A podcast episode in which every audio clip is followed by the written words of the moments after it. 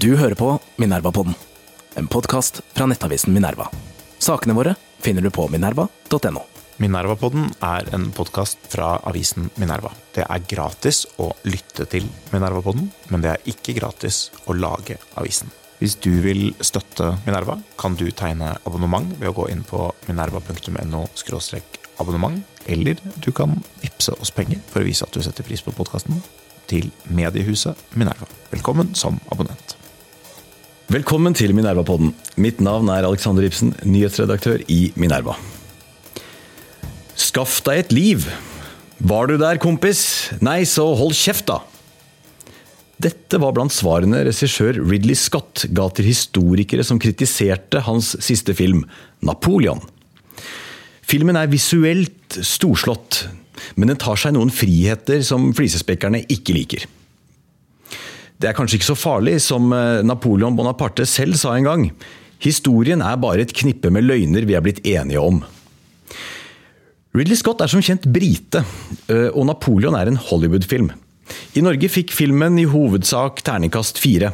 Lekker å se på, men mangler kanskje litt på budskap.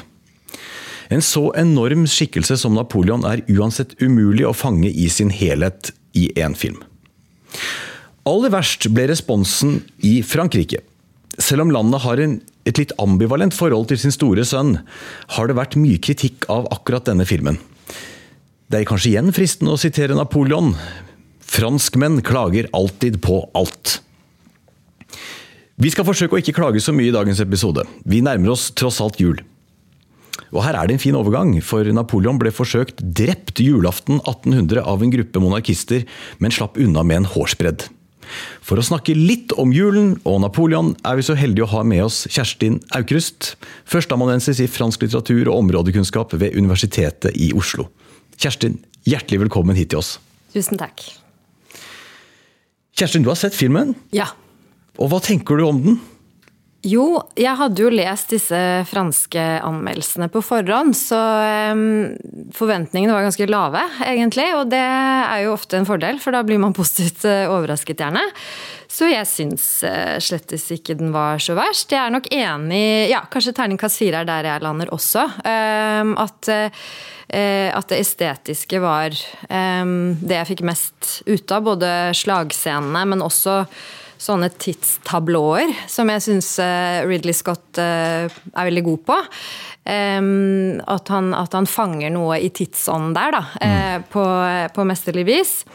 Og, og, det gjelder både dekor og lydspor. Altså han, ja, han, han har noen detaljer der som, som fungerer veldig godt. Og så er jeg samtidig kanskje også enig i eh, at, at, det kanskje ikke er så tydelig hva budskapet er. Hva slags film er det? Jeg syns den spriker litt sånn Er det en kjærlighetshistorie om eh, Napoleon og Josephine, eller er det en krigsfilm? Eh, og, og så føler jeg kanskje at personlig er jeg ikke så interessert i den kjærlighetshistorien. Og jeg tror heller ikke den Jeg tror kanskje den er litt sånn overspilt hvor viktig det var. Mm. Det er ikke tvil om at hun var viktig for han, altså det er ikke det, men ja, kanskje det ikke var så uh, i, hans liv er det så mye annet som jeg tenker er mer interessant. Og, og, jeg savnet kanskje litt mer av den politiske dimensjonen i, i Napoleons liv, da.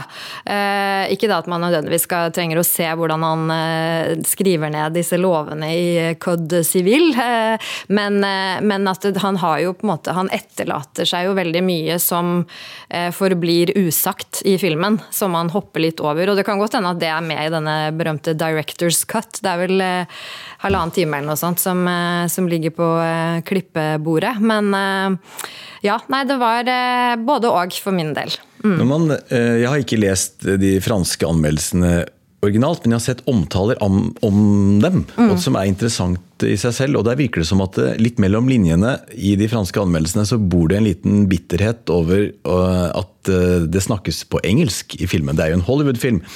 Og Er det generelt fordi det er en stor franskmann, og han snakker ikke fransk? Eller er det dette med at det er engelsk som gjør ekstra vondt? Altså Er det en slags repetisjon av nederlaget ved Waterloo? Ja. og han, altså Storbritannia var jo erkefienden til Napoleon.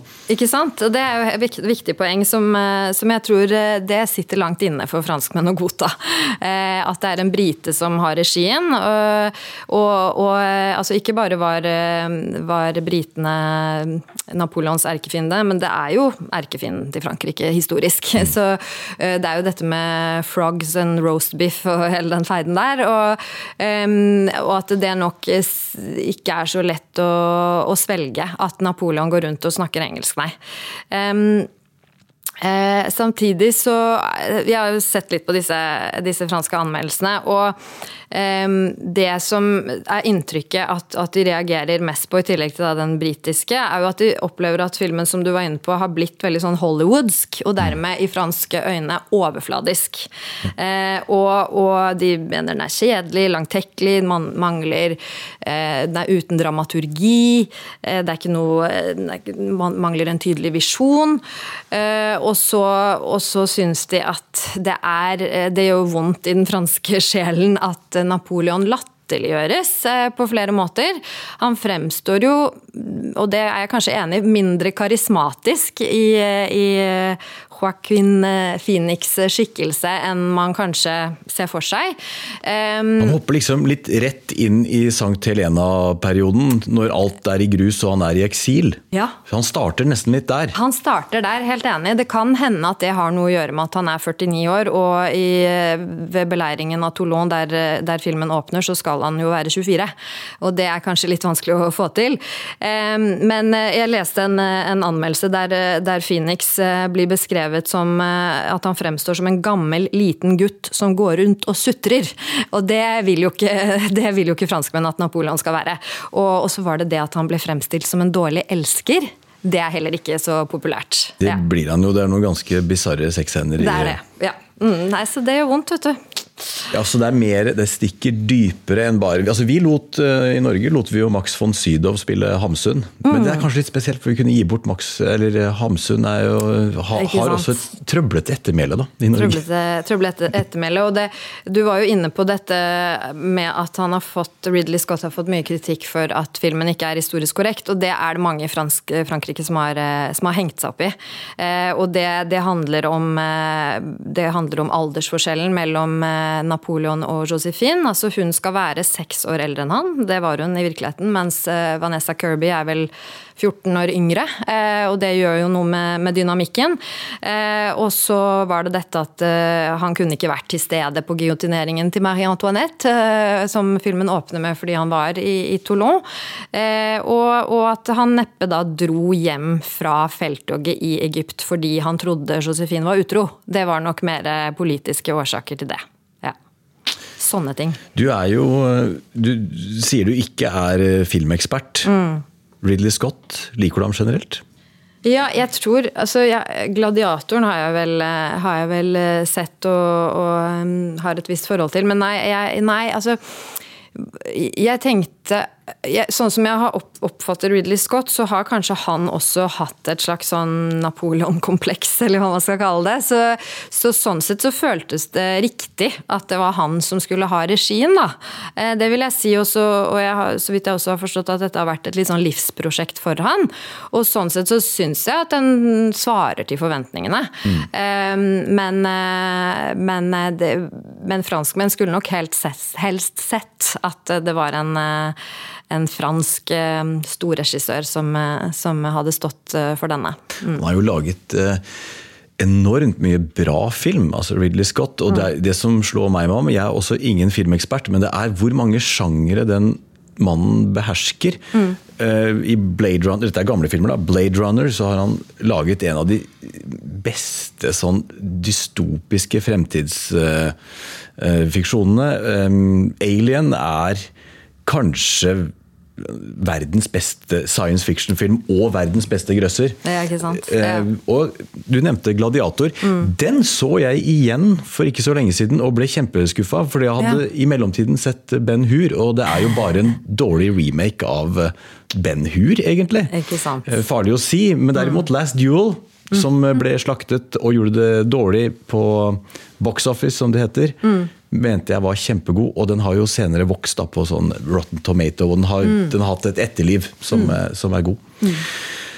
Eh, Tilbake til Napoleon. altså det Her snakker vi jo om en virkelig larger than life-figur. Vet ikke hva det begrepet er på fransk. Jeg Nei, det vet kan ikke hva det er på si. norsk heller. Nei, det er nemlig. Men eh, til og med tyske filosofer, en annen erkefiende av eh, Frankrike, har jo lenge hatt, eh, fikk jo øynene opp for Napoleon. Nietzsche beundret ham som statsmann. Schopenhauer omtalte ham som intet mindre enn verdens sjel på hesterygg. Men nok om tyskere. Hvilken rolle har, den, har Napoleon i den franske kollektive bevisstheten i dag? Den, eh, den rollen er eh, kompleks, og det kom til syne ikke minst i eh, 2021, da man skulle markere 200-årsdagen for hans død. Og eh, da var det altså fran, fran, Franskmenn er veldig glad i å minnes eh, sine helter. Eh, og, og for mange er nok eh, altså holdt på å si selvsagt Napoleon eh, nasjonens helt.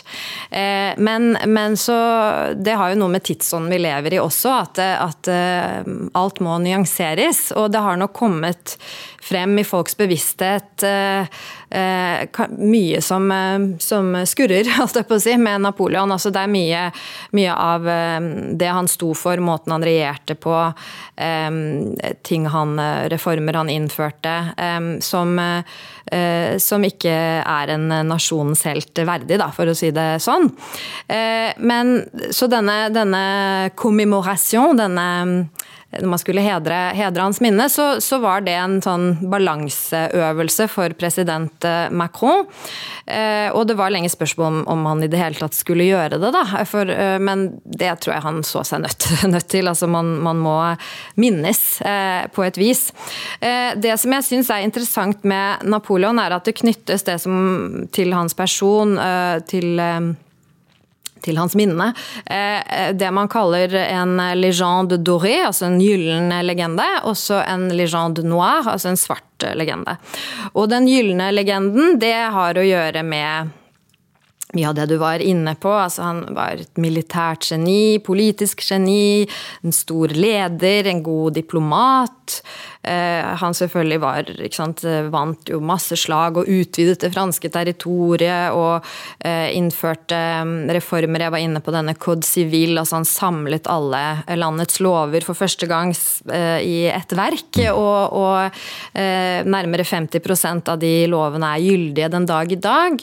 Eh, han, han eh, gjennomførte en, en sentralisering av, av staten og gjorde om på, på administrasjonen i, i landet. Delte landet inn i departement, fylker, eh, og, og satte inn eh, da prefekter rundt omkring i landet. så- Sånn type fylkesmenn da, som skulle representere staten. Eh, og, og han var veldig opptatt av å utdanne statseliten, så det med han vi fikk eh, videregående skoler. eh, og og baccalaureat, altså artium, ble innført under han, og type sånn ulike æresordner. Eh, Bank, eh, altså han var han som stiftet La Banque de France. altså Det er, det er veldig mye eh, som står igjen etter han, eh, og som fortsatt eh, er med på å definere eh, den franske stat, det franske eh, samfunnet. Og selvfølgelig så er det som fascinerer mest med Napoleon, tror jeg den dag i dag, eh, det er at han kom fra, jeg vil ikke si intet, men han var jo født på, eh, altså i 17... eh, 1769, 20 år før revolusjonen, i Ajaccio i, på Korsika. I en lavadelfamilie. Og da er det viktig å, å, å vektlegge dette med lav, da. Um, og, og gjorde um, Var åpenbart et, et stort militært talent, og gjorde kometkarriere og ble med i revolusjonsgarden og, og ble general under revolusjonen. Uh, og så, men så sånn sett så er det, det er en slags sånn rags to riches-historie der, ikke sant? Mm. som kan beskrives nesten som den mest spektakulære eh, karrierestigen i verdenshistorien, omtrent. ikke sant? Og så blir keiser. Og, og han, han, han, han kronet jo seg selv i Notre-Dame, eh, som, eh, som på en måte man kan si er liksom klimaks da, i, i, denne karrierestigen. så det er klart at det, det, er jo vanskelig å ikke la seg fascinere av det eposet i seg selv. Men så er det, så er det mye som må, uh, som må, og har kommet ut fra skapene ikke sant, om, om han. Uh, det har jo ikke vært noe hemmelighet akkurat at han var en svært autoritær uh, leder. Mange omtaler han som despot, tyrann, diktator. Og selv om han var sønn av den franske revolusjonen og tok med seg mye av arven derfra mm. inn i, i, det første keiserdømmet, så, eh, så og, verdier som, som likhet eh, og brorskap var, var viktige, så, så, var kanskje ikke frihet noe som han eh, verdsatte spesielt høyt for andre enn seg selv. Altså han begrenset folks frihet på mange måter. Ytringsfrihet, pressefrihet, friheten til å samles politisk. Han bedrev sensur, overvåkning, det var hemmelig politi. Og, og ikke minst så, så gjeninnførte han slaveriet etter, i de franske koloniene, etter at det var blitt fjernet da under, under, revolusjonen. Og så var det jo millioner som døde i alle disse eh, slagene og felttogene han gjennomførte. Både av franskmenn, men også Etter hvert mange franskmenn. Mange franskmenn, ikke sant. En, eh, rundt en million. Og mange europeere, eh, selvsagt også. Og, og var Altså, han hadde jo en sånn i det, fordi han selv var kommet eh, nærmest fra intet og, og steg i gradene, eh, så ble jo dette med meritokrati veldig viktig for han. At, at, eh, at alle kunne lykkes slik han gjorde. Men etter hvert så, så ble han jo mer, var det jo tydelig at han ble mer og mer opptatt av egne interesser, eh, og skapte jo et sånt eh, dynasti som lignet egentlig veldig på det monarkiske. hvor han plasserte medlemmer av sin egen familie som prinser av Italia og prinsesser av ditt, ikke sant? Og, så, og som, styrte, som, styrte, mm, de territoriene han hadde, eh, han hadde mm, beseiret.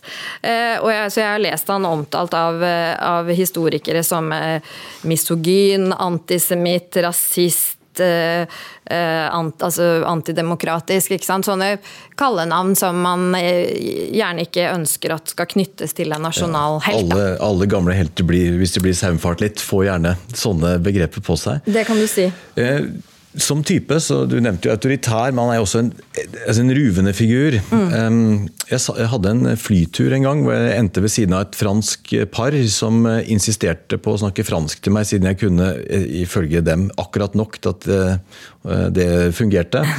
Jeg vet ikke helt hvor sant det var, men da, det, var, det er lenge siden. Det var mm. under presidentvalgkampen mellom Ségolène Royal og Sarkozy. Sarkozy. Mm. Eh, Nicolas Sarkozy. Og da skjønte jeg at også hun, eh, den eh, moren, hun franske moren jeg snakket med, hun ville støtte Sarkozy. Og hun prøvde å forklare det med at Sarkozy var Jeg tror hun brukte et begrep som om complet. Altså en, en total mann. Yes. Og det, Siden har han fått fotlenke og en annen skjebne, men det, det er noe med det franske presidentembetet også, som i langt større grad enn eh, andre land har en sånn type napoleonsk mm. dimensjon ved seg.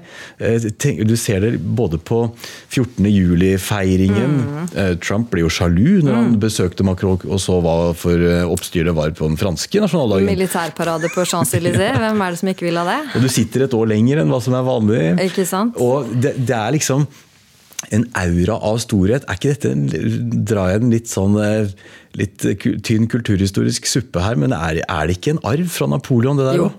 Absolutt. Og det Altså, det Napoleon har gitt navnet sitt til en Eh, ideologisk retning eh, som heter bonapartisme.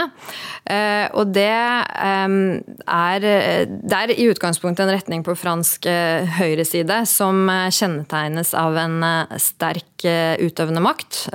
Og i, i Frankrike er jo det presidenten. Og gjerne en litt sånn autoritær vertikal måte å, å styre på. Uh, og det er mange som, som uh, franske statsledere som skriver seg inn i den arven. Jeg ville kanskje ikke sagt at Sarkozy gjør det, personlig, men det, det, er åpenbart at flere gjør det. Og den fremste blant disse er vel Charles de Gaulle. Eh, for eh, gaullismen eh, kan absolutt ses på som en forlengelse av, av bonapartismen. De Gaulle var jo også general, og, og, så på seg selv som landets frelser, og var det til dels også, under, både under andre verdenskrig og under den krisen som oppsto i 1958 rundt Algerie-krigen. Mens dagens president, Emmanuel Macron, også av av enkelte eh, pe altså peker på at han eh, også representerer en form, en form for eh, bonapartisme. Han, det er noen paralleller der som er interessante. Han også gjorde, kom, kom nærmest fra intet og gjorde politisk kometkarriere. Og så er det i, i bonapartismen en, en, veldig sånn persondyrkelse mm. som var sentral både i gaullismen, men også når det gjelder makronismen, hvis man, hvis man kan kalle kalle det det. Bare det faktum at Emmanuel Macron, da han, da han startet sin, sin eh, bevegelse i, i 2016-2017 eh, og valgte navnet En Marche, som betyr fremad. Men En Marche, initialene der, er jo EM, Emmanuel Macron. Og, det, og den, det partiet er jo, det er jo bare et luftslott uten han. Altså det, er, det, det er bare eh, konsentrert rundt eh, hans person. Vil jeg ikke gå så langt som å si persondyrkelse i Macrons mm. tilfelle. Eh, så populær er han ikke. Men, eh, men, det er klart at eh, både de Gaulle, Macron og da særlig Napoleon eh, har et veldig sånn de forstår verdien av å markedsføre seg selv. Mm. Eh, og jeg tror nok at mye av den statusen Napoleon har fått, også kommer derfra. Mm. At han var en sånn utrolig god propagandist. Én eh, ting er det han fikk til eh, mens, han, mens, han, regjerte, og, og den, den, propagandaen som, som, eh, hvor han la stor vekt på det ikonografiske. altså Han hadde malere som, som eh, vi, vi, kjenner jo alle til eh, portrett portrett vi kan kjenne igjen portrettene av Napoleon på lang avstand. ikke sant? Både silhuetten og den hånden, hånden i brystlomma. Hånden i brystlomma, Eller om det er på magen. Det er kanskje på ja, magen, ja. ja. Eh, og den karakteristiske hatten Midten.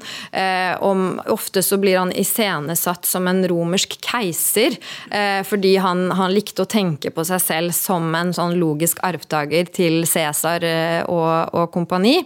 Eh, og malere som eh, David og Ingres, som har malt sånn spektakulære portretter eh, av han. Også den veldig kjente hvor han, han kroner sin kone da, i Notre-Dame, så sitter liksom paven der sånn passivt ved siden av. ikke sant? Mm. Um, fin tilskuerplass. Absolutt se, første rad, ja. Helt klart. Uh, så det, det og, og, etter hans død også, uh, så, så ble, det en slags sånn kultus, kan man kalle det, av, av Napoleon. Uh, tallrike erindringer om han i litteraturen og, og kunsten fra sånn ca. 18 1820, ehm, og i 1840 så blir da liket hans ført tilbake til fransk jord fra St. Helena, der han døde i eksil. Og så blomstrer det opp igjen, på en måte, mm. den romantiseringen av, av han som person. Veldig interessant med gjennomgang av bonapartismen. Får vi se da i 2027 om eh, Le Pen klarer å bringe den videre. Det er ikke alle som er sikre på at hun vinner, bare understreke det. Ja da, ja, nei. Og, Men det, ja. ser jo, det, ser jo, veldig rotete ut, i hvert fall per i dag, en god stund fram da. Mm. Eh, men Napoleon-æraen, som jo dekkes av filmen også, er en av de mest omveltende periodene i europeisk historie. Mm. Mellom 1789 og 1850 15 unnskyld, så blir eh, Europa endevendt. Republikker tar over for gamle monarkier. Kapitalismen erstatter føydaløkonomien. Eh, gamle standsamfunn blir utfordret av tanker om menneskerettigheter og, og frihet. Og Napoleon selv han avslutter jo på en måte den franske revolusjonen, eh, men samtidig så kroner han seg til keiser. Og beholdt en viss revolusjonær side på mange måter um, spredte jo altså, spredte Frankrike til, eh, til Europa, mye med tvang. Han eh, selvfølgelig kriger og denne, dette kontinentale systemet som skulle isolere Storbritannia. Eh, men er han i dag sett på som en høyreside- eller en venstresidefigur i Frankrike? Absolutt høyreside. Høyreside. Mm. Og høyresiden er, er nok de som i størst grad fortsatt anser han som eh, nasjonens helt, som man må hedre eh, når man har anledning til det. Mens, mens venstresiden er, om ikke de vil cancele han helt, så er de i hvert fall veldig opptatt av å nyansere det sånn nesegruseportrettet som, som høyresiden gjerne trekker fram. Da. Og, og vektlegger dette som jeg var inne på i stad, med de autoritære trekkene og og, særlig dette med å gjeninnføre slaveri. Også i Code Civil så er, eh, så er kvinnen helt altså Det står helt eksplisitt at hun er underlagt mannen. Eh, så misogynianklagene eh, sitter løst på venstresiden der. Så, så nei da, han, han, er absolutt en, en høyrefigur. Mm. En ting jeg skulle ønske meg hadde kommet litt fram i filmen, er en del av disse mer utilsiktede konsekvensene av eh, Napoleon også. Og ta ett eksempel, hvis jeg kan. Vi så ham i Egypt, som jo er en merkelig kampanje. Det var egentlig for indirekte å ramme britene. Frata dem et brohode, sånn at de kunne få vanskeligere handel med sine indiske besettelser. Veldig spesielt. Mm. Slåss jo der mot uh, osmanere og mamlukker. Uh, men han tok jo med seg et korps av vitenskapsfolk. Mm. Oppdaget ved en tilfeldighet Rosettasteinen som det mest eh, kjente. Mm. Så bare der, den detaljen at når man først skulle inn og herje i Egypt, så må man jo ha med seg vitenskapsfolk. Mm. Eh, som senere danner grunnlag for moderne arkeologi, egyptologi. Og uten Rosetta-steinen så hadde vi sannsynligvis ikke kunnet lese hieroglyfer i dag. Nemlig, Men det, det var sånne opplysningstidselementer ved Napoleon som ikke kommer fram. da. Absolutt. Men vi, mm. eh, vi driver jo ikke med terningkast i Minerva, men jeg liker jo gode gamle Roger Ebert og Siskel, som mm. Eh, begrenser seg til eh, tommel opp eller tommel ned. Altså bør man se den på kino eller ikke? Jeg syns det. Eh, altså jeg leste en fransk historiker, Jean Toulard, som er vel verdens fremste ekspert på, på eh, Napoleon, som sa han, han hadde frarådet sine studenter å se den, rett og slett. Men jeg hadde med meg en tjuetalls studenter som tar eh, fransk historie på Universitetet i Oslo, og, og jeg syns absolutt at man bør se den. Eh, men selvfølgelig ta det historiske med en klype salt. Da er det tommel opp fra Kjerstin. Og ingen overraskelse, det er tommel opp fra meg også. Eh, til slutt, eh, Kjerstin, vi må si litt om Vi nærmer oss jul. Mm. Fransk jul. Um, jeg tenkte på hva er det jeg forbinder mest med fransk jul. Personlig så er det tror jeg, følgende, og det er at det er veldig urettferdig at så mange nordmenn tror O helga natt er svensk. Mm. Fordi Jussi Bjørlings, Bjørlings, versjon er så populær. Mm. Men det er jo en fransk sang skrevet av eh, Adolf Adam. Mm. Og hadde man tenkt, hvis man hører originaltittelen, så skjønner man jo med en gang. Det er Cantique du Noël. Oui, Cantique du Noël. Mm. Den er stor i Frankrike òg? Absolutt. absolutt. Den omtales også som eh, Minuit chrétien, som er de første, første linjene. Eh, en klassisk julesang, eh, selvsagt. Jeg har feiret, vært så heldig å feire jul i Frankrike, i Alsace, der jeg har slekt. Og det som kjennetegner fransk jul, er å sitte sitte lenge til bords. Um, og um, der spiser man gjerne uh, kalkun, um, eller uh, østers, foie gras. Um, Høres ikke så verst ut. Det, det er ikke så verst, men det blir mye. Det blir mye.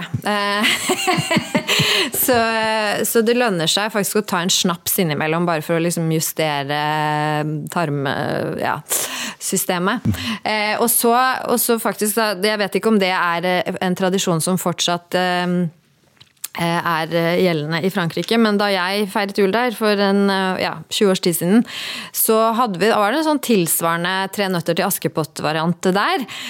Hvor man så eh, filmene om eh, eh, eh, hvor Romy Schneider spiller hovedrollen.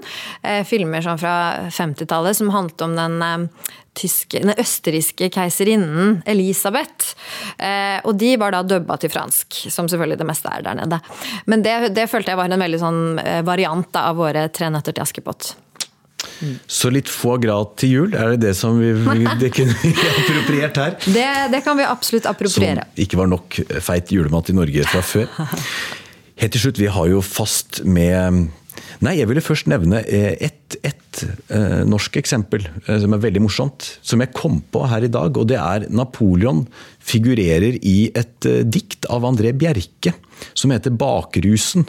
Hvor han beskriver sin eh, vandring gjennom en eh, fyllekule gjennom natta, og da er det linjene Presis klokken kvart på fire i natt ble du Napoleon og stormet broen ved Arcoll. Du seiret tilintetgjørende ved Wagram og Austerlitz, og først klokken ni i dag morges var du aldeles definitivt på Sankt Helena. Tre kjappe helt eh, til slutt, Kjerstin. Jeg lurte på hva jeg skulle spørre om her, men tar vi, siden han var også en sitatmaskin, mm. så er egentlig Og vi skal ha julenøtter.